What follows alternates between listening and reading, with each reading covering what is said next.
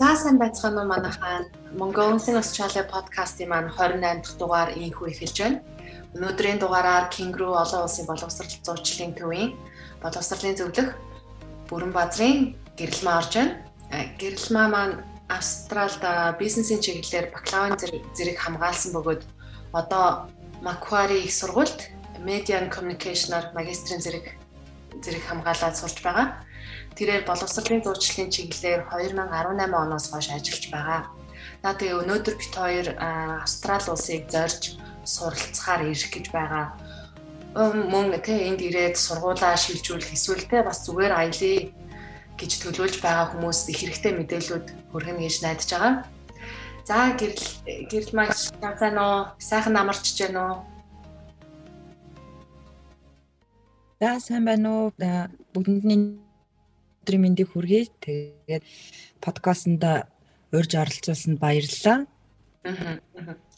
За тэгээд уламжлалт ёсоор манай подкаст подкастт орж байгаа хүнийхээ тий Австрал анх ирсэн түүх сэтгэлийг нь асуудаг байгаа. За тэгээд та анх хэдэн онд ямар шугамар Австралид ивж анхны сэтгэлээсээ хаваалцаач. За хамгийн анх 2015 оны 3 сард Австрали улсад ирж исэн. За тэгээ мэдээж бүхэл монголчуудынхаа адилаар Австрали руу сурахаар оюутны визээр ирж исэн. За тэгээ тухайн үед бол би өөрөө нэг жилийн хэлний бэлтгэлтэй тэгээ нэмэх бакалаврын сургалттай гэдэг юм одоо манайхан бол нөө пакэж курс гэж нэрлэдэг те. Тийм сургалтаар ирж исэн. Тэгээд хэлний бэлтгэлээ сурж төгсөөд бакалавра төгсөөд тэгээд одоо мастер суралцаад ингээд Австралид байж гин. За Австралид ирсэн анхны сэтгэл гэх юм бол мэдээж бол а бүх юм айгүй өөр санагдчихсэн. За тэгээ тухайн үед 2015 онд бол тийм бол монголчууд бас байдаг байгаагүй. А тэгвэл миний сурж исэн хэлний бэлтгэл бол бас нэлээд олон монголчууд бид нар хамт сурдаг байсан. Тэгэл хамгийн айгүй сонин санагдж исэн юу вэ гэхээр ингээл бүх юм амар ингээл хурдан болчих шиг болсон. Ингээл 7 хоногор хэлний бэлтгэлд яваал ажлынхаа цалин 7 хоногор аваад нүг сарын ингээ химлэр явдаг байсан юм чи 7 хоногор байрныхаа түрээс ихт өгөөл тээ хүнснийхээ ямиг 7 хоногор аваад гэ тэр нэг химнэл нь бүр ингээд хөө хинчүүд юу вэ? Би одоо яаж энэ 7 хоногийн химнэлээр ингэж амьдрах юм болоо? гэд. Тэр ингээд аюу сонин санагдчихсан надад Австралид ирэхэд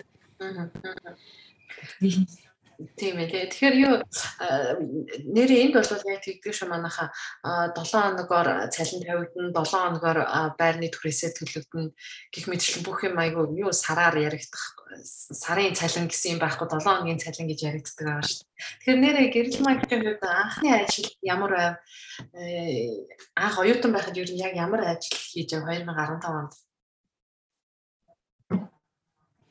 За би чи ингэсэн 2015 онд мэдээж хэлний бэлтгэлтэй тэгээ бакалавр гэдэг ихэр хэл ус ерөөсөө байхгүй. Хэл баг ерөөсөө л англи хэл ерөөсөө байхгүй ирсэн гэсэн үг. Тэгээд тухайн үеийн одоо яг 2015 оны үеийн одоо ихэнх эмэгтэйчүүд бол буудалд ажилладаг байсан. За тэр дундаа Хилтон гэж зочид буудалд ажилладаг байсан.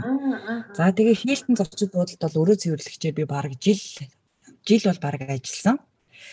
За тэгээ тэр хоорондоо бол одоо яг жинхнээсээ амьдрал үзэж эхлээд ерөнхий зүгээр жирийн өдрүүдийн ажил өглөө 7:30-аас эхэлнэ. За 7 хоногийн 2-оос 3 өдөр өглөөний 5:30-ад эхэлнэ. За тэгээ нөө Монголд чи эрт бас ч үзэж байгааг юм чинь бүр гинт нөгөө 5:30 ажил явахын тулд 4:30 гэж усгуулна, 4 гэж усгуулна. Тэгээд очиод өрөөнүүдээ цэвэрлэн гих мэтчлэн тэгэл бүгдийн тэгэл яг мэдээж хүний газар ирээл юмаа эхэлж исэн юм чихнээс нь ахуулаад бусдын жишгээр яг л ижлэгээ ажиллаад тэгээ явчихсан. За тэгээ тэрнийхээ дараа Япон ресторан зөвч хийж исэн. За дараа нь Итали ресторанд салаадны оо тоогооч хараа биш юм аа бэлтгэгч нөгөө бүх юм бэлдээ тавьсан байдаг. Тавгалж гаргадаг. Тийм ажил хийж ийла. Тэгээд ерөөхдөө монголчуудын хийдэг бүхэл ажлыг хийж үзсэн. Бүгдийг мэднэ дамжаал одоо хийгээл явж байгаа л гэсэн үг. Тэгэхээр гэрэл маягч анх бол бизнесийн чиглэлээр бакалавр хамгаалсан Австралид. Тэгээд одоо мэрэгчлэн арай өөр медиа коммуникейшнаар магистр хамгаал магистрийн зэрэг хамгаалж байгаа юм байна шүү дээ. Тэгэхээр яаж бас ингэ бас өөр байна л да бакалавр нь мэрэгчлэн өөр магистр сурж байгаа мэрэгчлэн өөр байна. Тэгэхээр э, бас яаж бас ингэж бас өөрчлөгдөж бас мэрэгчлэн өөрчлөгдөж бас сонгож магистрийг сонгов Ааха. Чи бас айгу зөв харж асуултаа асууж ин л та. Угаас яг бакалавра нөө бизнесийн чиглэлээр төгссөн гэсээр нэг мастер хамаа хамаагүй хийж гэр нэг урдны нэг төстөө мэрэгжил ажлын туршлага хэрэг болно шүү дээ тий. Аа тэгэхээр а Монголд бол би өөрөө сэтгүүл зүйн чиглэлээр бакалавр хамгаалсан. За тэгээд энд ирэхээс өмнө сэтгүүлчээр ажиллаж исэн. За тэгээд тийм учраас а энд бол яг анх эрэхтэй агентлаг дээр очиод эхнээсээ бол яг бизнесээр сурах гэж бол бодоагүй. За тэгээ нөө тухайн үеийн нөгөө сургуулийн ч юм уу боломжийн ч юм уу надад олцсон мэдээлэлч тэр юм уу те бизнесийн чиглэлээр одоо бакалавр хийвэл виз чинь гарнаач гэдэг юм. Яг л одоо тэгж ирж исэн яг л олон монголчуудын жишгээр л би бизнесийн чиглэлээр бакалавр сурах гэж ирсэн байхгүй. За тэгээд нэгэн тэрцэн учраас бол бакалавра бол сураад төгссөн. За тэрнийхээ дараа мэдээж бол угаасаа миний сонирхолд бол одоо медиа чиглэлээр буюу яг үндсэн өөрийнхөө мэрэгжлийн чиглэл мастер хамгаалах гэсэн гайгүй сургууль сурах юмсан гэсэн бодол бол байсан. Тэгээ би тухайн үед яг магистра эхлүүлэхэд хэд хэдэн сургуулиуд бол бас судалсан. Тэгээ Sydney University, University, UTS ч гэдэг юм уу те. Ингээ одоо миний сурж байгаа Macquarie ч гэдэг юм харьцуулаад тэгээ судалж эхэлсэн. Тэгээд энэ ташранд бас хүмүүст хэлчихэд хүмүүс нөгөө магистрийг хийхдээ заавал 2 жилээр хийх ёстой гэж боддог. А гэтэл гайгүй сайн ихтэй сургуулиудын төлбөр өөр айгу өндөр байдаг те. Тэгэхээр жишээ нь хэрэв Macquarie сурах юм бол одоо яг миний сурж байгаа media and communication чиглэлээр ихэд 1 жилийн магистр байж болно 1.5 жил байж болно эсвэл 2 жил байж болдог байхгүй. Тэгэхээр таны урдны ажилласан туршлага юмнууд ч хүрэх юм бол 1 жилээр одоо магистр их бүрэн боломжтой. Тэгэхээр яах вэ гэхээр монголчуудынхаа авдаг тэтгэлгээ авчин 1 жилийн магистр ихээр цаг хугацаа бол мөнгөнд нь бол маш их хэмнэлттэй байдаг. Ийм юм зэрэг бас боломжуудыг хараад Macquarie University-д сонгож ороод тэгээд одоо суралцж байгаа сүүлийн семестртээ явж байна. Аа. Төгсөх төгсөн байгаа юм байна шээ. За төгсөх нэлээд төгсөө одоо э, хичээлүүдэд тэнцэж чадвал эх оны 6 энэ оны 6 сар төгснө. Аа за. Итгэн сар болсон байна. Аа. За тийм байна. Тэгвэл э, хүмүүс маань ер нь би үргэлжлээ тэгж бодож байсан 2 жил ер нь магистр сурна гэдэг чинь ерөөсөө л ерөөсөө л 2 жил гэдэг ерөөс тоо орж ирдэг байхгүй. Тэгэхээр ингэж бас хугацаа хожиж бас болох юм байна шүү дээ манайхан. Тэгэхээр ийм юм байдаг байх нь байна шүү. За гэрэл маягч маань Кенгру олон улс боловсролын зуучлалын төвийн боловсролын зөвлөх хийдэг байгаа. Тэгээд анх хэдэн онд энэ зуучлалын төв нээгдэж байсан бай ер нь төвийнхээ талаараас хүмүүстэй дэлгэрэнгүй танилцуулж байна. За тэгээ. За би урд нь өөрөө Австралид олон улсын боловсрол зуучлалын газарт ажилладаг байсан. За тэгээд 2020 оны дундаас эхлээд өөрийнхөө одоо агентлагаа нээж гарсан. За түүнийгээ бол одоо кенгуру гэж нэрлсэн байгаа. За манай кенгуру маань одоо ямар зорилготой газар вэ гэхээр олон улсын оюутнуудад боловсрол зуучлал үзүүлдэг. А хүмүүс болохоор нөгөө монголчууд визний газар, визний газар гэж ойлгоод байдаг те. А гэтэл агентлаг чинь нөгөө нэг виз а нөгөө талдаа сургууль гэдэг нөгөө хоёр үндсэн том газрыг холбож явж байгаа. Тэгэхээр нэг сургуулийн талын бол ерөөсөө мартаж болохгүй. Сургуультаа ч одоо ганц холбож байгаа газар чи агентлаг албан ёсоор бүх юм чи хийж өгч байгаа гэсэн үг. За тэгээд эхний ээлж нь Монгол оюутнуудаа аваад Монголоос болон Австралиас оюутнуудынхаа визийг гаргаад нэлээд амжилттай сайн явж байгаа. За мөн бид нар зөвхөн Монгол гэхгүй Перу, Колумб, одоо жишээ нь Солонгос, Таиланд зэрэг улсуудын хүмүүсийн бас оюутны виз болон аялал жуулчлалын визийг хийж тэгэхээр н олон улсын оюутнуудын визийг бас одоо хийж байгаа Монгол агентлагаа гэсэн үг зөвхөн бас Монгол биш мэдээж одоо ихэнх оюутнууд нь бол монголчууд а гэхдээ бас бусад улсуудын ч гэсэн оюутнуудын визийг бас хийж байгаа гэсэн үг. Аа. Тийм байна шүү. Тэгэхээр өөр бас ямар орнуудад салбартай байгаа лээ Монголд салбар нь байгаа. Сая бас Австралийн хэдийн салбартай байна. Ямар хотуудаар салбартай байгаа лээ? Ааха. За мэдээж Монголд бол манай салбар байгаа. За Монголд бол манай мэрэгжлийн боловсролын боловсролын зөвлөхүүд бол хүн бүртээ нүүр тулжуулзаад мэрэгжлийн зөвлөгөөг нөгөө тухайн хүн бүр тохирсон одоо кейс дээр нь ажиллаад явдаг. За Сидней хотод мэдээж төв салбар нь байгаа. Тэрэндээ би өөрөө ажилладаг. За Мельбурн болон Брисбен хотуудад бол яг төв гэхээсээ илүүр манай албан ёсны боловсролын зөвлөхүүд ажиллаж байгаа. А хэрвээ та Мельбурн ч юм уу Брисбен хотод сурдаг бол манай зөвлөхүүдтэй холбогдоод бүх төрлийн одоо сургуультай ч холбоотой, визтэй ч холбоотой асуудал ах юм бол мэдээлэл авах бүрэн боломжтой. За тэгээд энэ дашрын бас хэлэхэд энэ сарын 24-ний өдөр Брисбенд байгаа монголчуудтай өдөрлөг зохион байгуулах гэж байгаа. А Брисбенд хэдэн сургууль коллежуудтай хамтраад тэгэхээр та бүхэнд хэрвээ сургуультай чинь ч юм уу коллежтэй ч хамааралтай асуудал эсвэл виз сонгуулах зэрэг асуудал ах юм бол хурж ирж уулзаад мэдээлэл авах бүрэн боломжтой байгаа. Аа. Тийм ээ. Энэ сарын 24-нд гэсэн тийм тийм сарын 24-нд удахгүй яг нөгөө байшил болон цагийг манай Кингрүү гэсэн аль бие усны Facebook пэйжээр танилцуулна. За тийм ээ. Тэгэхээр сонсогчдод та бүхэнд доор бас линкээр Facebook пэйж, вебсайт тэгээ Австралид хаяг утас дугаарыг бас доогоор оруулах болно хүмүүс сонирх юм бол. За тэгэхээр ихэнх хүмүүс ер нь ямар виз их мэдүүлж байна вэ? Тэгээд сургалтаар байна уу, аялал байна уу? За сургалт гэхээр хэлний бэлтгэлийн бэлтгэлийн шугамар илүү их өсөж байна уу? Ер нь энэний талаар За Монголоос бол мэдээж монголчууд бол ерөөсөө л их их нь оюутны виз үздэг. Аа. Тэ? Оюутны визээрээ сурахаар ирээд эндээ өргөжлүүлээ визээ сунгаад явж байгаа. За тэгээд визний гаралтын тухайд гэх юм бол одоо янз бүр байдаг л да. Визний гаралтын нөхцөл байдал бол одоо тухайн нөхцөл байдлаас тухайн цаг үеэсээ хамаарат ерөнхийдөө өөрчлөгдөж явж идэг. За нэг хэсэг бол ерөөсөө монголчууд Монголын нөгөө нэг assessment level нь 2 байсан. 2 дугаар зэрэглийн орн гэдэг бол бас харьцангуй гайгүйтэй орно. А тухайн үед бол маш олон оюутнууд Монголоос хэлний бэлтгэлээр виз гарч ирсэн. За тэр үед бол ирсэн хүмүүс бол айгүй олноороо байдаг. За түүний дараа буцаад хэлний бэлтгэлээс виз хэлний бэлтгэлээр виз өмтүүлээд ер нь гарахаа болоод нилээн чангараад эхэлж исэн. Нилээн чангарч байжгаад тэгэнгүүт тэгээд ковид болсон байхгүй юу? Тэгээ ер нь ковид үе болоод хил хагдаад байжгаад за түүний дараа сая нэг хэсэг хугацаанд бол ерөөсө хэлний бэлтгэлээр мэдүүлсэн виз бол маш амжилттай сайн гарсан. За манай дээр ч гэсэн нэлээд олон оюутнууд Австрал суралцахаараа лизэний ирсэн байгаа. А гэтэл яг сүүлийн үед бол хэлний бэлтгэлээр мэдүүлсэн визнүүдийн гаралт бол муу байна гэж бол хаасаагүй яригдж байна. За энэ мэдээллийг хаанаас аваад байгаа вэ гэхээр бид нөгөө Австралийн сургуулиудыг аль биесээр төлөөлж ажилладаг учраас сургуулиудад нөгөө нэг виз гарч байгаа эсвэл татгалзаж байгаа гэсэн нөгөө бүх мэдээлэл дата нь байж идэг гэсэн үг байхгүй. Тийм учраас Монгол оюутнуудыг аваа одоо төрдөө зөксөё тий. Хэлний бэлтгэлээр Монголоос юусоо виз гарахгүй байна. Зөвхөн Монгол гэхгүйгээр одоо л манай Монголын assessment level нь 3 болоо буурсан байхгүй. Нилээн дээр буурсан. А 3 дугаар зэрэглийн орон битэл 1 2 дугаар зэрэглийн орны хүмүүс ч гэсэн гарахгүй байна гэд нэлээ олон сургуулиуд дээр яг одоогийн байдлаар бол хэлний бэлтгэлүүдийг бол одоо төр хугацаанд зогсоодсон байна аппликейшн авахаа болоод сургуулиуд. За тэгэхээр яг ийм нөхцөл байдалд одоо яах юм бэ гэхээр А юм асууж ирсэн үү? Тий. Гэс таны цаашныхаас юм гэдэг чинь одоо 3 дугаар зэрэг рүү орлоо гэдэг чинь шүү дээ. Тэр нь ер нь ямар шалтгаанаас болоод ингээд зэрэглэн доошо буурд юм бол ямар орон ямар зөрчил гаргасан орон ер нь доошлоод идэм юм.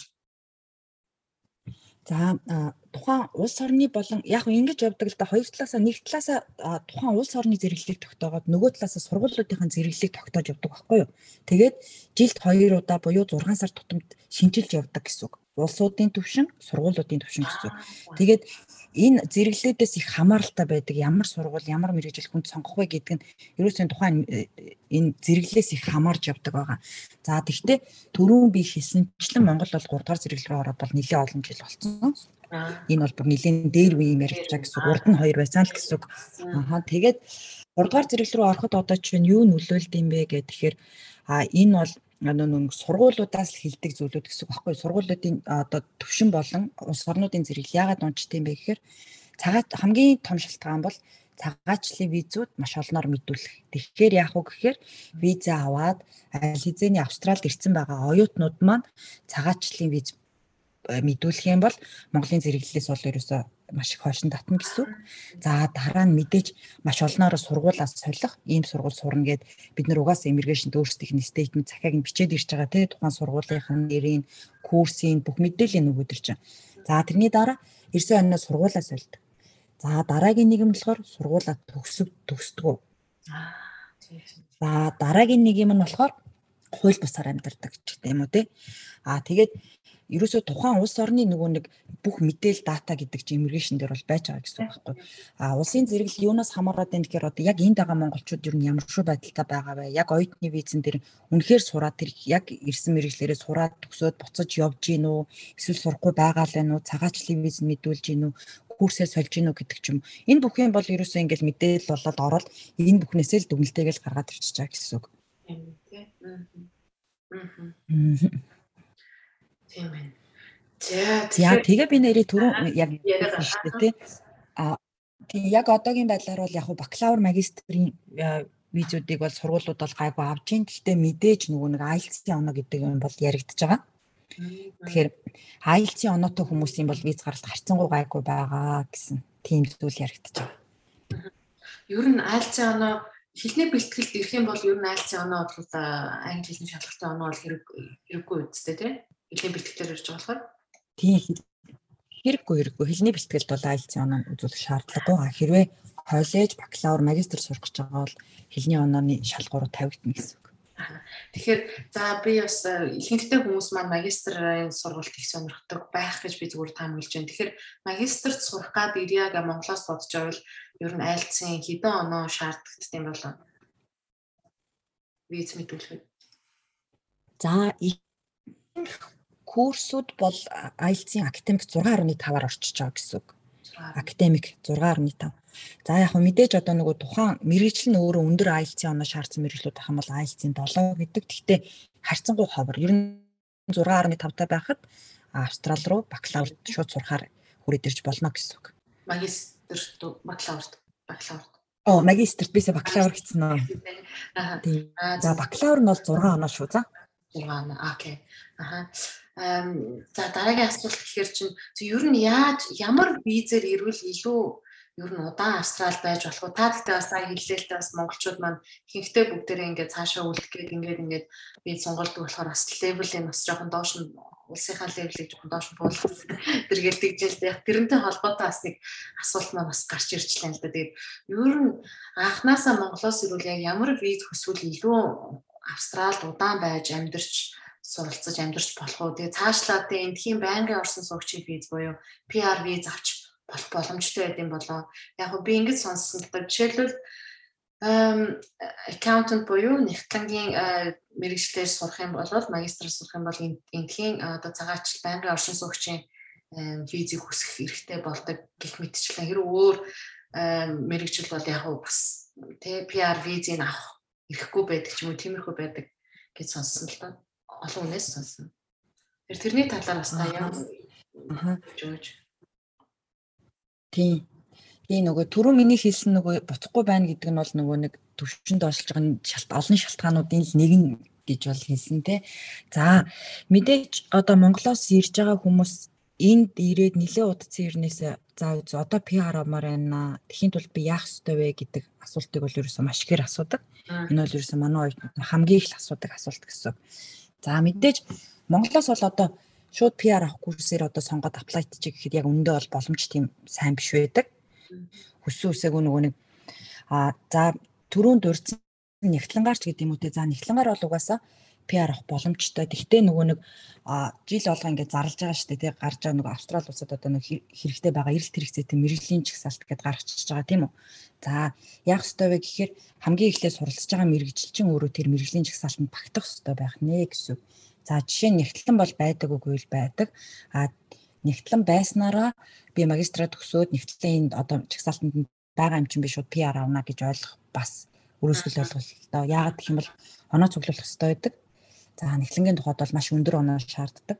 Тийм учраас олон нэгтлэнгаар төгссөн монголчууд бол нөгөө тэр нөгөө оноонд нь хүрэх гэж бол айгүй асуудал байдаг учраас одоо өөр мужууд руу нөхч гэдэг юм уу, PR авч чадах, гуудах ч гэдэг юм.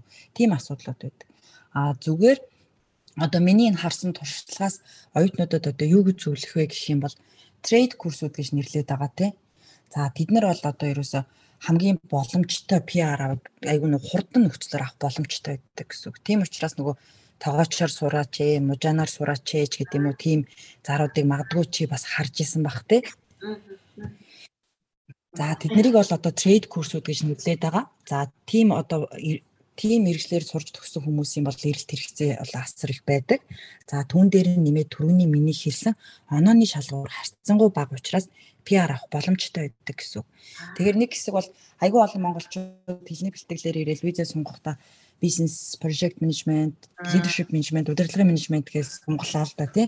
За эднэр нь бол нэг тэтэр листэнд нь байдгүй. За яг тухайн хугацааны нэг 2-3 жилийн одоо визтэй байх ч юм уу тий одоо нэг тийм л нэг цаг хугацаа өгж байгаа гэсэн үг байхгүй? Тэрнээс биш яг нөө цаашдын өгөөж нь байхгүй гэсэн үг. Тэгээ би бол одоо чинь гадаад оюутнуудын визийг бас айгүй хийдэг л дээ. Гадныхан бол одоо айгүй айхтар. Филиппинчууд бол ерөөсөө шууд ирээс сувлагчаар сураал эхэлчихсэн. Нэгт өөрсдөө англи айгүй сайтай байдаг. За тэгэл айгүй олон эрэгтэйчүүд мужаанаар сураал эхэлчихдэг байхгүй. Ерөөсөө төр дуудлаггүй байж хаад PR-д аплай гэж PR авчдаг байхгүй. 2 жил сураал төгсөөл нэг жил гараа ажиллаад оноогоо цуглуулаад BPR авах гэж байгаа аплайцсан гэж авчдаг. Тэгэхээр хэрвээ Австралид үнэхээр урт удаан хугацаанд байнгын оршин суух хэрэг авч амьдрья гэж бодож байгаа бол тэр мэрэгжил сонголт гэдэг зүйл хамгийн чухал ахны л гэсэн. Аа.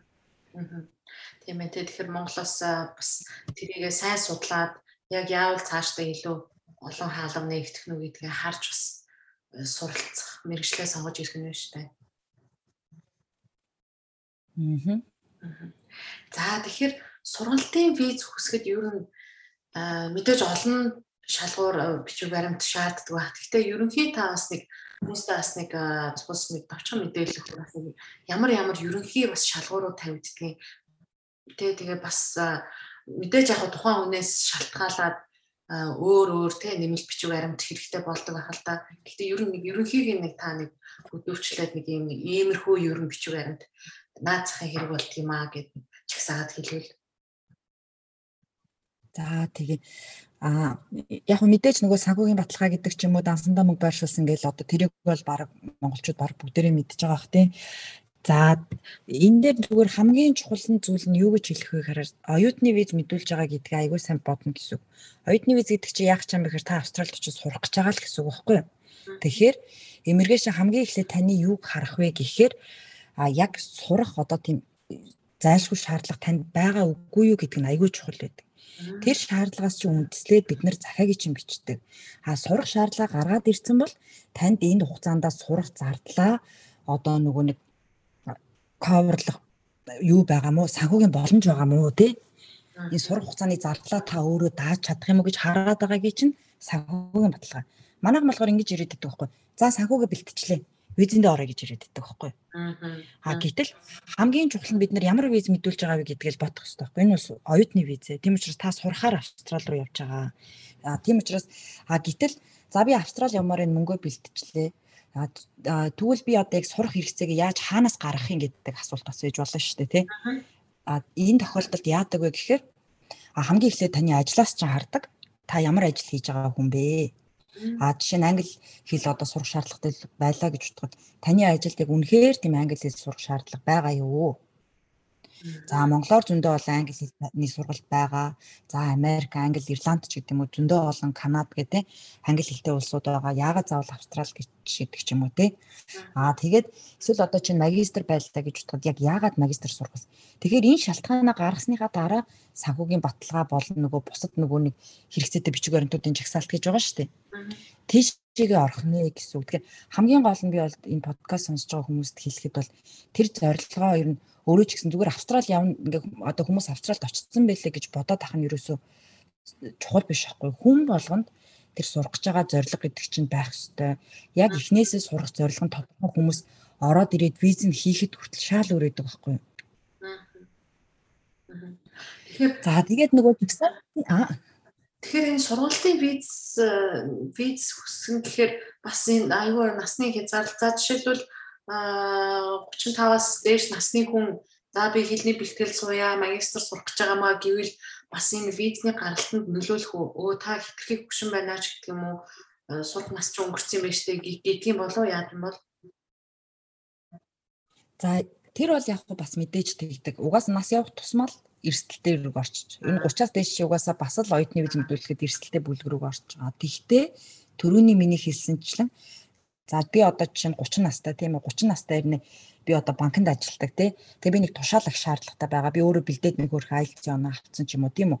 Тэгэх юм бол би одоо чинь бизнес аналист ч юм уу ямар нэгэн байдлаар мастер хамгаалах хэрэгтэй. Ажлын орчин зөндөө олон хүмүүс гадаадаас мастер хамгаалаад ирсэн.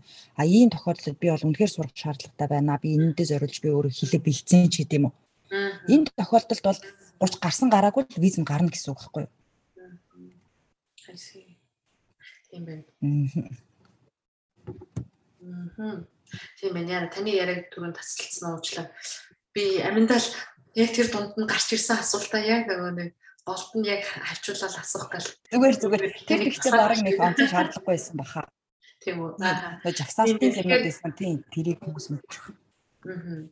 Тэгвэл ерөнхийдөө яг заа хэрэг 30 гарсан тэг ингээд сурлаа гэхэд бол яг тэр ажил мэрэгчлэлтэйгээ холбоод үнэхээр би англи хэл сурах хэрэгтэй байгаа маа ингээд цаашаа твшиж байгаа маа гэсэн иймэрхүү яг үнэн бодит амьдралтай хол тий холбоотойгоор яг тийм шалтгаан гаргаж ирэх юм бол бас магадлал бас өндөрлөх юм байна гэж үзлээ. Гэхдээ 30 гарсан хүмүүс нь болохоор хэлний бэлтгэл дээр биш байна шүү дээ. Магистраар гэсэн үг те. Хэлний бэлтгэлээр бол 30 гарсан хүмүүс яг одоогийн нөхцөл байдалд бол ер нь виз гарах нь тун тааруу байна. Яагаад тэгж вэ? Энэ ковидос болоод тэгж вэ? Ямар учиртай э, тэр э, юу маань хэлний бэлтгэлээр гарч ирж байгаа хүмүүсийг гарахгүй байгаа гэж сургуулаас мэдээлсэн болов. Ковидтой холбоотой гэхээр за яг одоо 4 сард бол ковид яг нь ер нь бол угаасаа юу яаж дээ Австрали улс бол одоо олон улсын оюутнуудад хилээ нээлээ тий тодорхой хугацаанд орж ирсэн оюутнуудын визний хураамжийг буцаанч гэдэг юм уу тий. А нөхцөл байдал гадна толд бол ерөөсөө маш нээлттэй харагдаж байгаа тийм үү? А гэтэл бид нар бол угаасаа яг ингээд нөгөө визийг хийж байгаа сургуулиудтай хамтарч ажиллаж байгаа яг үндсэн нөгөө бодит мэдээлэл дээр ажиллаж байгаа хүмүүс гэсэн үг шүү дээ тий. А тэгэхэд би өнгөрсөн 7 хоногт нэг 2 3 сургуулиудтай хуралцуулаа. Immigration бол ерөөсө хизээч байгаагүйгээрээ айгүй чанга байна гэж хэлж байна. IELTS-ийн оноогүй хүмүүсийг бол level 1 улсаас аплайцсан ч гэсэн визийн татгалзаад байна гэдэг юмнууд бол байна. Тэгэхээр бол яг яагаад гэдэг нарийн шалтгаан мэдэхгүй байна. Гэхдээ ямар ч гэсэн нөхцөлөд бол яг одоогийн байдлаар бол зөвхөн Монгол гэлтгүй хаасаагүй ерөнхийдөө нэлээд чанга байгаа мэн гэж ойлгоод байж байна да. Тэгээд одоо хэсэг харах ёстой юу? А тэгтээ хэрвээ та IELTS-ийн оноотой бакалавр магистрт мэдүүлж байгаа бол виз нь бол гарсаар байгаа. Манад дээр ч яг тийм оюутнууд виз бол гарсаар л байгаа гэсэн үг. Тийм байна тийм. Аа. За тэгэхээр мэдээж виз үсгэд хамгийн хэрэгтэй чухал зүйл бас мэдээж та түрүү ярьлаа банкны баталгаа, хөрөнгийн баталгаа гэж тэгж байна. Аа тэгээд манай монголчууд маань бас их ихтээс нэг ийм алдаа яадаг штэ. За нэг банкны баталгаа гарганаа тий тэгнэ гэж хүмүүс ингээл групп дээрч тэр энэ тэнд ингээд зар дээр ингээд тавьсан байдаг л та. Тэгэхээр 3 хоногч байдаг юм уу 4 хоногч байдаг юм уу? Тухайн тий их хэмжээний мөнгийг дансруу нь хийгээд виз мэдүүлэхт нь үзүүлчихэд тий тэгэнгүүтээ буцаагаад авчдаг ч юм уу? Яг нэг тийм юмнаас болоод хүмүүс бас их э, холигдуулж ин ч юм уу? Тухайн яг банкны баталгаа гаргаж өгч байгаа тэр мөнгөтэй үнэн л мөнгө олж байгаа болохоос биш. Яг виз мэдүүлж байгаа хүн нь бол тийм тий холихны баталгаагаар бол ер нь бол э, виз нь бол туслагдтал байх л да. Тэгэхээр ер нь та хүмүүстэй ямар зөвлөгөө өгөх вэ? Яг ингээд банкны баталгаа хэр мэдээ сурах гэж байгаа хүмүүс хэмжээний мөнгө бас банкнд нь байх ёстой. Дор хайж тэдний хугацаанд тэ тэр мөнгө чинь таны данс нь байрлах ёстой шүү гэсэн нэг тийм зөвлөгөө тавил хэлээч. Аа. За хамгийн эхлээд нөгөө санхүүгийн баталгаа гэж яг юу хэлээд байгаа юм бэ? Би одоо хідэн дүүр үзүүлэх ёстой юм бэ гэд хүмүүс те. А энэ сагуугийн баталгаагийн чинь одоо ямар нэг агентлаг ч юм уу одоо эсвэл хувь хүн ч юм уу за чи хідэн дүүрхтэй байвал одоо гарна гэж хэлээд байгаа юм биш ээ. За энэ бол цаанаас гаргасан нарийн тооцоолор байдгаа гэсэн. За Австралид нэг жил одоо сурахаар ирж байгаа хүн бол нэг жилийн амьдралын өртөг нь 22200 шиг санаж байна. Яг харахгүй бол нарийн санахгүй 22200. За түүн дээр нэмээд Монгол руу ирж очих тикет 2000 доллар.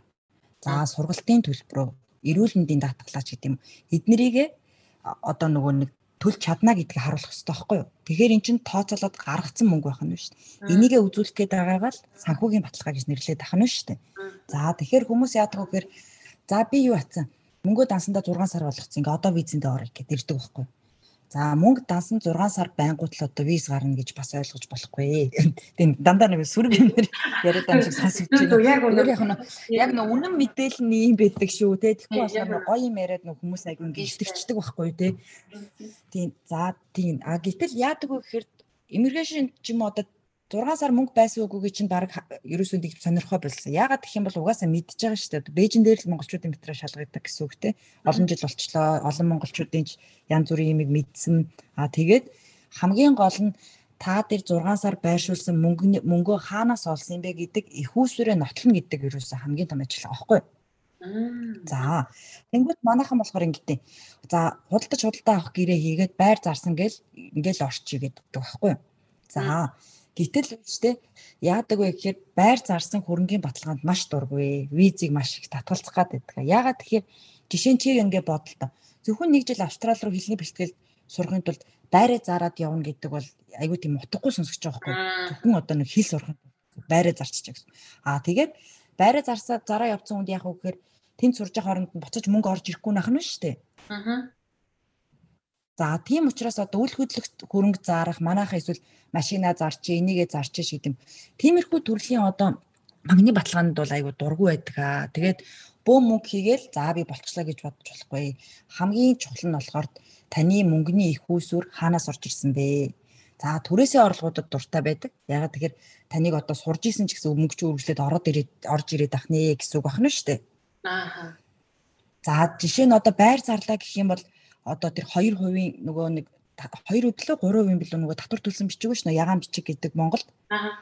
За тэр заавал байх хэвээр тэрүүгээр одоо баталгааж наач гэдэг юм уу. Нарийн нарийн юм нэр байгаа. Тэнгүүд мөнгөө хийчлээ. За дотолж чадахгүй юм чинь за тэгвэл ингийн ингүүл ингийн одоо яах вэ? Ингэчмээр байна штэ ч гэдэг юм уу манайхан бол тий. Одоо энэ орцсон мөнгө ашиглаа визэнд ормоор байна гэдэг ч юм уу тий. Ийм асуудлууд бол айгу олон гардаг байхгүй юу. Тэгэхээр яг одоо тийм бодож байгаа шиг чинь зүйл биш ээ. Тэр санхүүгийн их усүрийг нотлно гэдэг айгүй чухлаа. Монголчууд бол ер нь ингээл мөнгө бол ингээ олоо хийчтэй мэн гэдэг бол ер нь мэдсэн гэсэн үг заяа. Тэгэхээр хаанаас яаж олох бэ гэдгээ айгүй зөв үнэн зөвөөрөө нотлох хэрэгтэй. Заавал нэг тийм амар баян бас байх гад байх албагүй л байдیں۔ Гол нь орж ирж байгаа мөнгө чинь үнэн одоо чинь ээж аав нь гайг өндөр цалинтай хүмүүс бол яг ээж аавын цалингийн дансны урлагийг харуулад за бүр зах дээр лангуутай хүмүүсийн хүүхдүүдийн ч гэсэн виз гардаг байхгүй. Хүүхдээ 18 хүрэхэд гадаадд сургана гэд өдөр болго ингээд баг баг баг мөнгө хийцэн. Заавал одоо тийм албан том албан тушаалтай байж виз гарна гэж ойлгоод байх хэрэггүй байна ш. Эхнээсээ айгүй гой зөв системтэй бэлдээд явнаа л гэсэн үг. Тэгэхээр тогтмол мөнгө орж ийнэ. Нэг банк гэл нэг том мөнгө орж ирэх биш те бас тэр мөнгө маань тогтмолоор ингээд өсөж дэвчсэн болж таарна шүү дээ. Тэгээд зүгээр багтаа 6 сарын хугацаанд харна гэсэн үг үү те одоо яг тэр банкнд мөнгө нь өсч үгээд Тийм 6 сар ер нь байршуулсан байх ёстой гэдгийг угаасаа бүүн орж ирсэн мөнгийг бол тайлбарл тайлбарлахгүй бол татгалзан гэдэг зүйл бол угаасаа яригддаг. Бүүн орж ирсэн мөнгөнд бол угаасаа тийм таатай ерөөсөө ханддаггүй байгаа шүү бас. Тийм тэгэхээр бас тэр банкны бас баталгаа гаргана гэд бас нэлээд олон зарууд явдаг. Тэр бол ер нь бол дэмий гэж бас та зөвлөх үү? Тэрэн дээр юу гэж хэлэх вэ та? Хүмүүс нэг тийм зар тавьсан. Одоо ер нь тэрийг баг тийм одоо би одоо би бодохдоо хүмүүс барыг тэрийг хийхгүй байгаа л гэж боддог байгаа шүү дээ. Намайг л одоо анх Австралид ирэх үед айгүй олноор тэгдэг. Гэхдээ харагддаг те энэ тэнд. Аа. Тэгээд за яг мөнгө нь байхгүй байлаа гэж бодоод хийлэгчлээ гэж бодох их усөрөө нотолж чадахгүй бол тэгээд шал хэрэггүй байгаа сте те. Тэгэхээр бас ер нь бол бас айгүй хэрэггүй зүйл. Тийм байна. Тэгэхээр үйл хөдлөлийн мэдээж бас өөрийнх нь нэр дээр байгаа байрны гэрчлэгээ баталгаа бол бас тэрэн дээр бас бас нэмэр болно гэсэн үг үү те? Бизнес өсгөхөд өөрийн гэсэн бас байртай байна. Гэрчлэгээ үзүүлээд ингээд болгүй яах вэ? Тий Болно болно дэмжих байдлаар бол санхүүгийн угаасаа юмнууд олоод ордог гэсэн өөр дээр нэг үйл хөдлөх бүх юмнууд орно гэсэн үг. За та түрүүн бас эрүүл мэндийн даатгал гэж ярьлаа. Мэдээж оюут хүмүүс эрүүл мэндийн даатгалаа заавал төлсөн байх ёстой Австралийн амьдрах хугацаанд.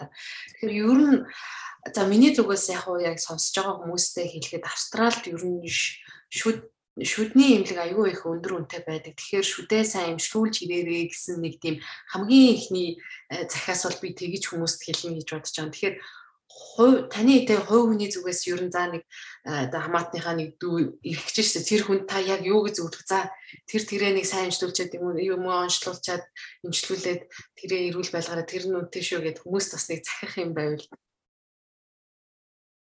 Аа.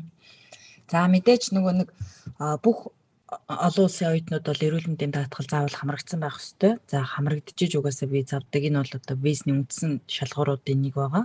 За тэгээд эрүүл мэндийн даатгалын тухайд бол нэг хэд хэдэн төрлийн даатгалууд байдаг. Одоо тусдаа тусдаа компаниуд гэсэн үг. За тэгээд даатгалд ерөөсөө яг төрөний чиний хэлснээр шүд ордгоо, нүд ордгоо, За тийм учраас харааны шил бол одоо асар үнэтэй билээ. Би өөрөө энд харааны шил тааруулаад хийлгүүлж авсан чи баг 350 доллар болж исэн. Тэгэхээр Монголд бол яагаад ч 350 байхгүй зүтэй. Нэг харааны шил тааруулаад ингээд авахд. За шүд бол ерөөсөө бүр асар үнэтэй тий. Чи өөрөө мэдчихэж штэ. Сүүгийн жилгээ 1500 доллараас эхэлдэг гэсэн мэт зүтэй. Тийм штэ. Энд чинь нөө нэг актара гэдэг байх шүү. Актарагаа авахлахад чинь нэг нь 550 доллар болж байгаа юм чинь. Амар үнэтэй. Зүгээр нэг нэг нэг шүд авч байгаа байхгүй юу? Тэгээд ломтоогүй имчлээгүй зүгээр шүд сугалж авч байгаа юм шүү дээ. Харин тийм ээ. Шүд бол үнэхээр асар үнэтэй. Тэгээд гол нь жишээ нь бодолтой нөө сувгийн имчилгээг 1500 доллараас эхлэнэ гэж хэлчихэж байгаа байхгүй. Тэгээд имчилж ижил хэлнэ. Нөө энтгийн нэг юм чинь бас нэг өөрөө тийм шүү дээ. Нөгөө наам нь ерөөсөө юм хэлдэггүй шүү дээ. Имчилж иж хэлнэ хэр байхаас болно. Хүнд байх юм бол ингээ юу яагаад явна. Гайг бол 1500 гэдэг ч юм. Тэгээд шүдээ имчлүүлнэ. Аа тэгээд юу яана? А за нүдний нөө хараа марааны асуудалд бол харааны шил мэлээ ингээд бүр хит хитээр ингээ аваад ирчмээр биш санагдчих ш надад бол 2 3-аар нь нийгмийг нь хайчвал тэгээд шууд гаргаж ирж үгээд ч юм уу те. За тэгээд бусад зүйлүүдийг бол за даатгал бол ихэнх нь коверлно гайгүй байх. За тэгээд нөгөө нэг бас нэг надад өөрт бол тэг санагдаад байд энэ дутагдaltaй зүйл нэгэд жоохон ядаргаа мадаргаа байдаг бол эмчлүүлэхгүй бол эндгийн имлэгт нэг жоохон ядраад байна гэж очихоор усуу наранд гар гэл чимс итгэл явуулчихад идэв шүү дээ. Тийм нэг зүгээр нэг хөнхөө нэг те нэг зүгээр ерөнхий нэг зөвлөгөө өгөөл гаргацдаг. Тэгээ бүр болохгүй панадолоо гэж ирсэн. Юу ч үгсэн панадолоо панадолоо гэдэг тийм. Яг юм ядаргаа мадаргаа тийм нэг урах юм байвал жоох хэлтэй ч юм нэг улам Монгол уламжлалтын имлэгт аягуулсаа хөвж байгаа дэр ирээл гэж нөгөө өөрийнхөө зүгээс хэлмээр санагдчих. Би ч очих болгонд өөр ашиг хамгийн дөрөнд уламжлалтын имлэгт хэлдэг. Аа тийм байна те. Тэгээ одоо жишээ нь би ингээд амар хөшөлдөг байхгүй юу? Тэгээд тэр хөшөлтөнд чинь бас ямар ч имчилгээ авахгүй шүү дээ. Ингээд хөшөл дасгал сайгийн гадаа халдах гэдэг тэгэл ерөөсөө болоо. Тэгэхээр тиймэрхүү имчилгээг сайн хийлгээрээ бас Тийм шүү дээ тий. Тэгээ бас энд э, шүдний эмдэгтээс тэр э, эндхийн э, австрал хүмүүс хүртэл өөрсдөө шүдээ эмчлүүлэхийн тулд Тайланд, Евро, Малайз, Тайланд руу Бали эднэр рүү явж шүдээ эмчлүүлдэг. Яагаад тэгэхээр тийшээ яваад онгоцныхоо билетийг төлөө, зочд буудлаа төлөө сайхан амрангаа шүдээ эмчлүүлчихэд буцаад ирэх нь ирэх зардал нь Австралд шүдээ үзүүлэх зардлаас хямдхан болж байгаа учраас австралууд тэгж явж аялж бүр явж явж байгаа шүдээ энэ бүрийн имжлүүлчээ буцаж ирдэг байх нь мэлээ шүү. Тэгэхээр айгүй асар үнэтэй гэсэн үг шүү шүдний имтлэг бол. Тэр бол та яалтчгүй үнэн үнэн. За тэгээд үнэхээр үнэтэй тий. Тийм шүү. За тэгээ мэдээж оюутан хүмүүс мэдээж ажил их хэрэгтэй. За тэгээ ажиллах цагийн лимит юу? За тэг нэ 20 цаг байдаг сурж байгаа хүн тий. Тэгээд би бас таны постноос бас сүүлийн нэг постноос нэг хальт уншлаа та тэрэн дээр та бас одоо бол арай олон цагаар юм уу бүтэн цагаар ч юм уу ажилуулж байгаа оюутнуудыг гэсэн нэг ковидын дараа ажилуулж байгаа гэсэн бас нэг тим юм уншсан. Тэгээд тэр одоо яг хിവэрэ байгаа юм болоо тэгээд гэр бүлийнх нь хүн нь хүний хувьд яг хэдэн цаг байд юм болоо. За оюутан сурж байгаа хүн нь за 20 цаг байд юм бол гэр бүлийнх нь хүн нь хэдэн цаг ажиллах хэрэгтэй юм бол Аа чи угаасаа өөрөө бич байгаа штэ австрал хүмүүс дандаа гэр бүлээр ирээ байгаад байдаг те. Яагаад тэр чин гэр бүлээр ирээд идэг гэдэг нэг шалтгаан гэхээр оюутанд нь өөрт нь 20 цаг ажиллах хэрэг хөгчөөд гэр бүлийн нь ч гэсэн ажиллах хэрэг хөгчдөг байхгүй ижлэгээ 20 цагийн. Тэгэхээр гэр бүлийн хоёр хоёулаа ажиллах боломжтой учраас монголчууд австралийг айгүй их зорж сурдаг аа гэсэн. За тэр дотроо хэрвээ магистр сурах юм бол гэр бүлийн нь 40 цаг буюу full time ажиллах хэрэг ирэх хөгчдөг байхгүй 7 хоногийн. Аа 7 хоногийн. Аа тэгэхээр айгүй боломжийн гэсэн. За одоо ковидоос болоод нэг Австрали улс ажиллах хүчний хомсдолд орсон учраас оюутнуудыг бол бүтэн цагаар ажиллаж болно гэсэн мэдээлэл гарсан. За түүнээсээ хойш бол ямар нэгэн мэдээлэл одоогийн байдлаар гаргаагүй байна. Тэгээд энэ одоос хэр удаа үргэлжлэх яах ихийг бол сайн мэдэхгүй байна. Тэгээд тухайн үед мэдээж нэг мэдээлэл гарахаар манайхнууд орон пэйж хуудсан дээр апдейт хийгээ мэдээлэлд явна. Аа. Ажиллах боломж олгодог нь бас давгүй л дээ Австралийн ер нь бол тий тийм болохоор л ер нь манайхан илүү энэ бас нөгөө нөхцөл байдлын ингээд бас гэр бүлээ авчрах хэрэгтэй байдаг. Тэгээ дээрэс нь настай ажиллах цагуудыг бас өгдөг. Магадгүй зарим оронд бол ажиллах хэрэггүй ч байж магадгүй шүү дээ. Бас гэр бүлээ ч авчрах хэрэггүй байдаг бах л та. Би сайн байна. Аа. За тийм байна. За тэгвэл одоо хоёлаа оюутны бизнес талаар нэлээд ярьлаа. Тэгэхээр аяллаа бизнес талаар бас ярив. Тэгээ мэдээж хүн болгоно л заавал сураал энд эндхийн бас тий PR байнгын оршин суугч болно гэж бүгд зүтгэхгүй л ах. Мэдээж хүмүүс бас аялаа сайхан юм үзье те Сидней Опера хаус үзьегээд бас алдартай газруудыг үзьегээд ирээ гэж бодож байгаа. Тэгэхээр тиймэрхүү хүмүүс бас хандаж бас нэг та зөвлөгөө өгөөч. Тэгээд бас ганц би ялангуяа эмэгтэй хүнд аяллаа виз гар гардггүй гэсэн нэг тийм тал байна уугүй юу? За аялын визний тухайд бол аялын визийг одоо ерөөсөө саяхнаас авч эхэлсэн те чи тэрийг мэдж байгаа те хилээ хаалттай байж байж байгаа. Ердөө саяхнаас эхлээд аялын виз авч эхлэе гэж гисэн. За ерөнхий аялын визний үндсэн шалгуур юу гэдэг юм бэ гэхээр манайхан бас энийг айгу буруу бодод идэв. А аялын виз гэдэг бол ерөөсөө аялах гэж байгаа виз гэдгээ л бас зорилгоо очих. Оюутны виз бол сурах гэж байгаа, аялын виз бол аялах гэж байгаа. Үндсэн зорилго нь ерөөсөө тэр зай. За тэгээд аялын виз чи түрүүн хэллээ те ганц бие эмэгтэй хүм залуу хүмүүст ер нь гаралт муутай байдаг гэд. А залуу хүмүүст аялын виз Австрали руу бол үнэхээр гаралт муутай байдаг уу гэвэл үнэн. За мэдээж аав ээжигээ өөртөө энд сураад аав ээжигээ аялаар авчирч байгаа хүмүүсийн тухайд бол харьцангуй нээлттэй олон ч Монгол чи өвөө эмээ нэрийг австрал зөндөө харж исэн баг те дандаа хүүхдүүд дээр ирээд аялаад явж байгаа хүмүүс байдаг. За яавал австрал руу аялын виз амжилттай авах юм бэ гэх юм бол нөгөө л миний түрүүний хэлсэнтэй тухайн ажлын газар юугаад айгу удацсан байх хэвээр тий ажилчин тодорхой байх хэвээр. Ер нь тэгэл санхүү болон нөгөө нэг бүх байдал чи эргэж Монгол руугаа явна гэдгийг харуулж чадхаар хэмжээний одоо тийм хүчтэй байж ижил виз авна гэсэн үг. Аялын визний тухайд. Тэгвэл залуу хүмүүст бол ерөөдөө би олж ин Австрали руу аялын визийг бол нэг санал болгодгүй. Угаасаа гаралт бол тийм сайн байдаггүй. Одоо хичнээн захиагийн бичээд ингэж ингэж үзмээр байгаа ч гэсэн. За тэгээд аялын визэн дээр одоо бас нэг зүйл нэмээд хэлэхэд бол яасан бэ гэхээр нэг хэсэг бол монголчууд маш олон одоо бизнес аялын виз гэж ирсэн. За тэр бизнес аялын виз гэдгээр ирээд за ирснийгээ дараа болохоор энд ирээд оюутны виз болохгүй сунгуулсан. А тэгтээ аялын визний хураамж бол ерөөсөө 150 доллар гэдэг байхгүй австрал доллар. А гэтэл тэр хүмүүс бол 3500-аас 5000 доллар төлсөн байсан нэг хүн. За тэгээд энд ирснийхээ дараа оюутны виз болгоод за заримынх нь виз гаа, ихэнхийнх нь виз гараа, зарим нэгийнх нь гараагүй.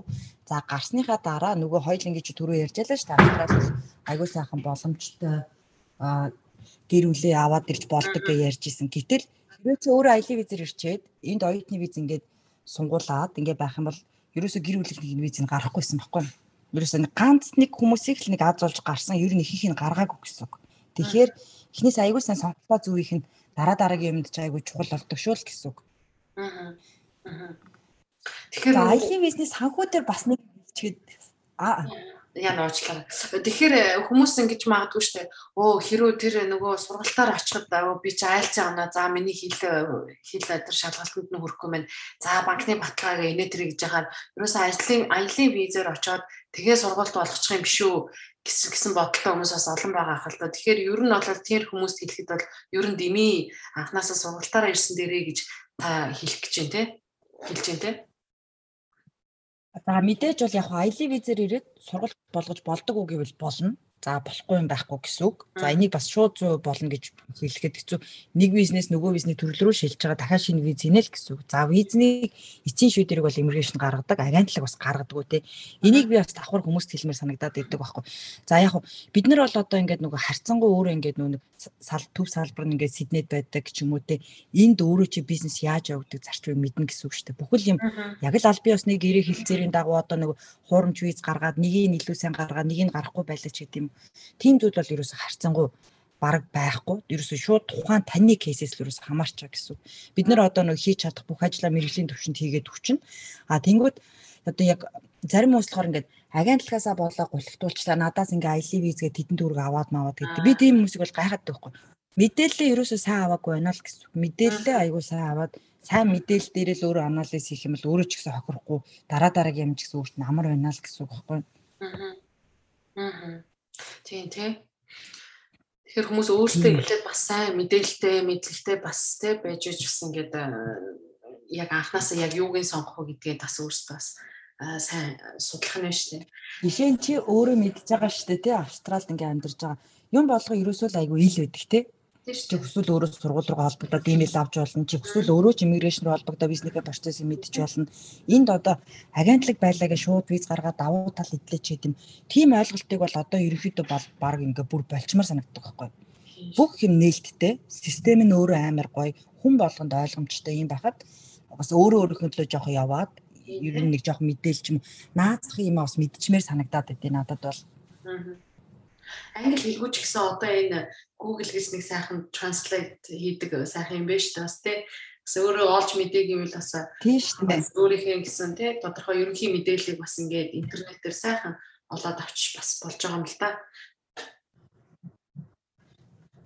Мэдээлэл бол маш сайхан нээлттэй байна. Гэхдээ нөө мэдээлэл одоо шүүх нь одоо тэгээд тухайн хүмүүсээс хамаарх нь шүү дээ бас тий. Хит нээлттэй мэдээлэлээс хэрэгтэйгээ олж авах нэг хэрэгтэй авах нэ л гэсэн үг.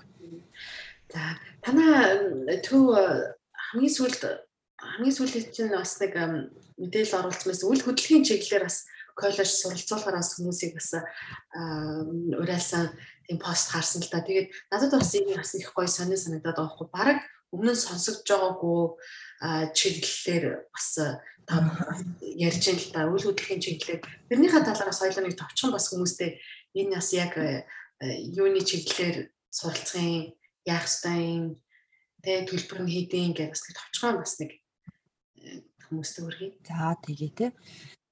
Аа чи яг нөө үл хөдлөлийн хөрөнгө гэж асууад би зүгээр товчхон хариулчих.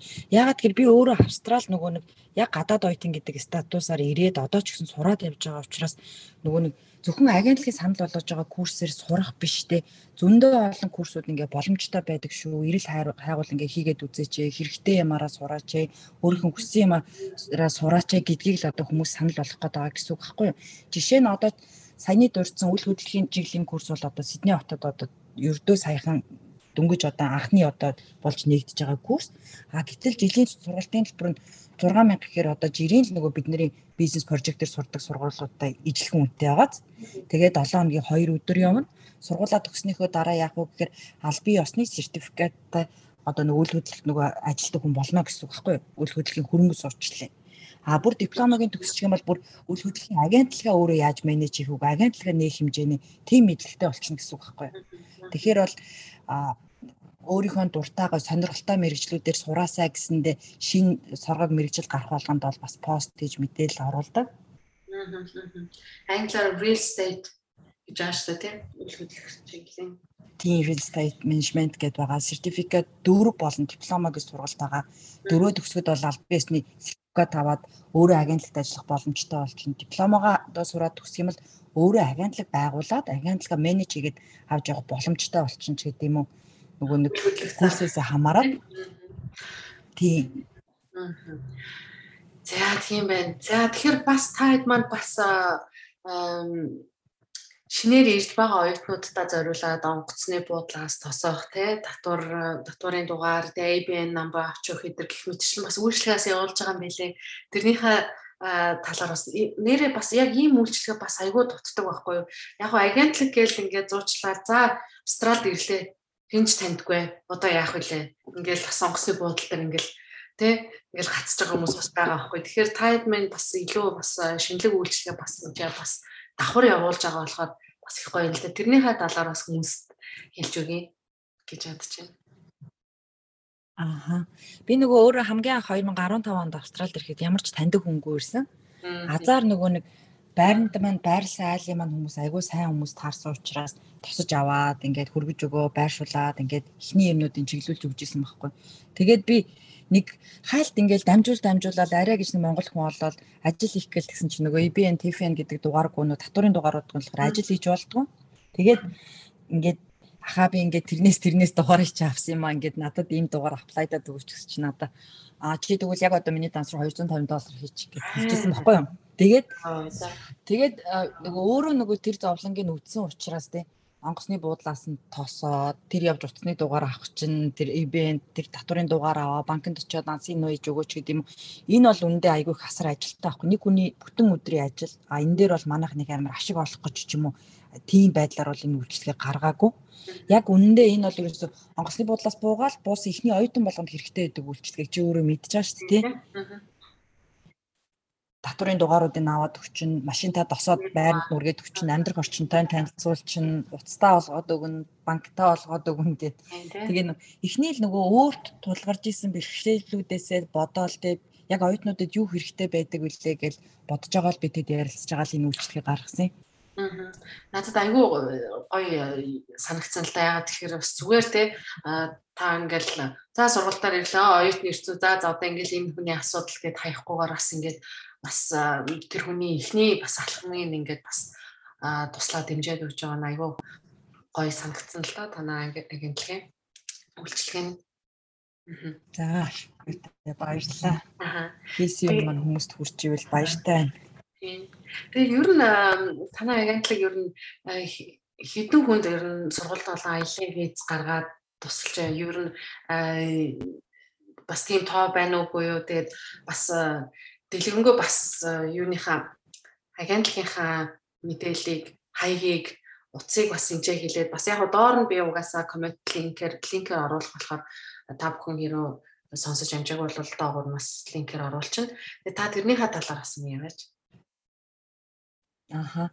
За мэдээж бол яг кенгуругийн оюутнууд гэсэн бол нэлээд оюутнууд байгаа. Яг учиргүй нөгөө нэг яг тэд гэж бол бас хэлэх нь ашиг. Мэдээж тэг бид нар дээр бол мэдээж нарийн дата судалгаа байгаа. За тэгээд гадаад оюутнууд бас сүүлийн үед нэлийн хүч төрж орж ирж байгаа. Өнгөрсөн хугацаанд байгуулагдаад яг кенгуру маань өөрөө байгуулагдаад удаагүй ч гэсэн хангалттай одоо хөөрхөн хэмжээний оюутнууд бол зорж ирсэн, үйлчлэгээ авсан. Тэгээд бүгд эргэх холбоотой тэгээд ажил явж байгаа. Аа хаяг уцаа гэсэн те. За би чамд эсвэл юу ах вэ? За ямар ч гэсэн манай Монгол дахь утас бол 7705 97 97 гээд 19 дугаар хороололт. А тэгээ би нөгөө өөрийнхөө өөрөө Монголын шинэ оффист очиж үзээгүй байгаа учраас яг нөө нарийн хаягийн зааж мэдэхгүй. Тэгээ тэр утасны дугаараар заалах юм бол манай заагаад өгчин гэсэн үг. За манай Сиднейт хаяг бол одоо Сидней хотын төвд байгаа Central Station дээр буугаад ойрхон. Тэгээд чамайг дугаар өгөхөр хүмүүс залгаад ирээд уулзаж мэдээлэл авах бүрэн боломжтой. Угаасаа бүх мэдээллийг та бүхэн Facebook пэйжийн доогоор линкээр оруулж болохоор ороод бүх Монголд бас шин салбарын зураг хөргөтэй бас гой пост орсон байлаа бас тэг бүх мэдээллийг ер нь Facebook пэйжээр нь бас ороод харж боломжтой юм байлаа шүү. Тэгэхээр Мельбурнд бас зөвлөх байгаа, Сиднейд яг төв офис нь байгаа, тий Brisbane бас зөвлөх байгаа гэсэн шүү дээ. Тэгээ бас Perth-д бас ерөнхийдөө бас та зөвлөхтэй болох гэж байгаа гэсэн тий. За ерөнхийдөө нөгөө Perth бол өөрөө чи өөрөө мэдж байгаа те regional area гэж явдаг. Тийм учраас нөгөө удаан хугацаанд амьдрах гэж байгаа, PR авах гэж байгаа хүмүүст бол одоо суралцахад хамгийн тохиромжтой газар. За тэгээд уул уурхайн чиглэлийн хамгийн том сургуулиуд бол Perth-д байрладаг. За бас IT-ийн чиглэлийн нэлээд олон нэртэй сургуулиуд байдаг. Тийм учраас удахгүй одоо 6 сар гаргаад бид Perth руу яваад ерөөхдөө сургуулиудаа хамтарч ажиллах юмнуудаа ярилцаад тийшээгээ бас нэг зөвлөх тавих ерөнхийдөө бодолтой төлөвлөөд ажиллаж байгаа. Тэгэхээр хэл нэлээ өргөн хүрээгээр л одоо ууж болгонд л одоо зөвлөхөдтэй болж эхэлж байна гэсэн. Тэгээ ер нь би бас одоо ингээл подкаст хийж яхад Пертес орж байгаа хүмүүсийн подкастны доор нэлээд олон коммент ирдэг л дээ. Тэгээ би Перт руу явах гэж байгаамаа. Тэгээд маш их баярлаа олон хүмүүс оруулж агаад тэгээ бас нэг хүн Сиднейгээс би Сиднейгээс Перт нүүх гэж байгаа тийм тийм асуугаад өгөөч гэсэн нэг тиймэрхүү өсөлтүүд бас их орж иж байгаа болохоор магадгүй бас Перт хотыг ер нь бас илүү хүмүүс сонирхож эхэлж байгаа нас тэндээс харагдаж байгаа харагдаж байна л да. Тэгээд ерөнхийдөө хоёулангийн ер нь нэлийн сонирхож байна. Тийм подкаст ерөнхийдөө одоо ингээд бас дуусах төгч чинь тэгээд сүүлийн тий асуугаагүй үлдээсэн зүйл сайхан бол яг сүүлийн асуултыг танд үлдээ. Гайгүй хаа чи бүгдийн айгуу сайхан асуугаал би чадлынхаа хэрээр л мэддэг чаддгаараа хариулах шиг боллоо. Тэгээд подкастнда мэдээж урьж ярилцаж манай төвийн талаар хийж байгаа ажлын минь талаар ингэж нөгөө ярилцаж хүмүүст хүргэж ингэж урьж оролцуулсанд үнэхээр их баярлж байна. Тэгээ чи ч гэсэн одоо ингээ хүний газар амьдарч байгаа монголчуудаа ингээ бусдаа танилцуулаад хийж байгаа ажлуудыг сурталчлаад дэмжиж ингээд явж байгаад нь бол үнэхээр талархаж байна. Тэгээ подкастт нь ч гэсэн өндрөөс өндөр амжилтыг хүсье. Баярлалаа. Тэгээд танд бас мөн монголчуудаа тэгээд дэлхийд ялангуяа энэ сайхан төв улс болох Австрали улсуудыг гэр бүлэрээ ирж сурч ажиллах сайхан боломжуудыг монголчуудад маань нээж өгч байгаа танаа кенгуру боловсрол зуучлалын төвийнхэнд цаашдын ажилд нь ажил үйлсэд нь өндөр амжилтыг хүсье. Тэгээд манай подкастэнд цаг цав гаргаж орсон гэрэл магчтай маш их баярлалаа. За баярлалаа. Тэгээ зөндөө их амжилт хүсье. Тэгээ доор манайхан бас доор комментээр бас харилцах утас Facebook page, вебсайт хаягуудыг линкээр оруулах болно. Тэгээ та бүхэн илүү дэлгэрэнгүй мэдээлэл авахыг хүсвэл холбогдорой. Тэгээд а тий Мөн подкастт маань subscribe хийхээ мартваа манайхаа. Subscriber ч нь ер нь тааш тий цаашдаа энэ олон подкастуудыг хийх бас сэтгэлийн дэм авдаг шүү. Тийм болохоор та subscribe гэсэн ботныг дараал Тэгэх юм бол та бүхэн орж байгаа шинэ подкастууд маань танд мэдэгдэж очих болно гэж бас хэлээ. За тэгээд Сидней хотоос Кингру боловсрол зуучлалын төвийн боловсролын зөвлөх гэрэлмаа Мельбурн хотоос цацаанаар ярилцлаа. Дараагийн дугаар хүртэл баяртай манайхаа. Баяртай гэрэлмаагч байна. За баяртай. Тэгээ Мельбурн хот орохоор уулзъя. За тэгээд за баяртай.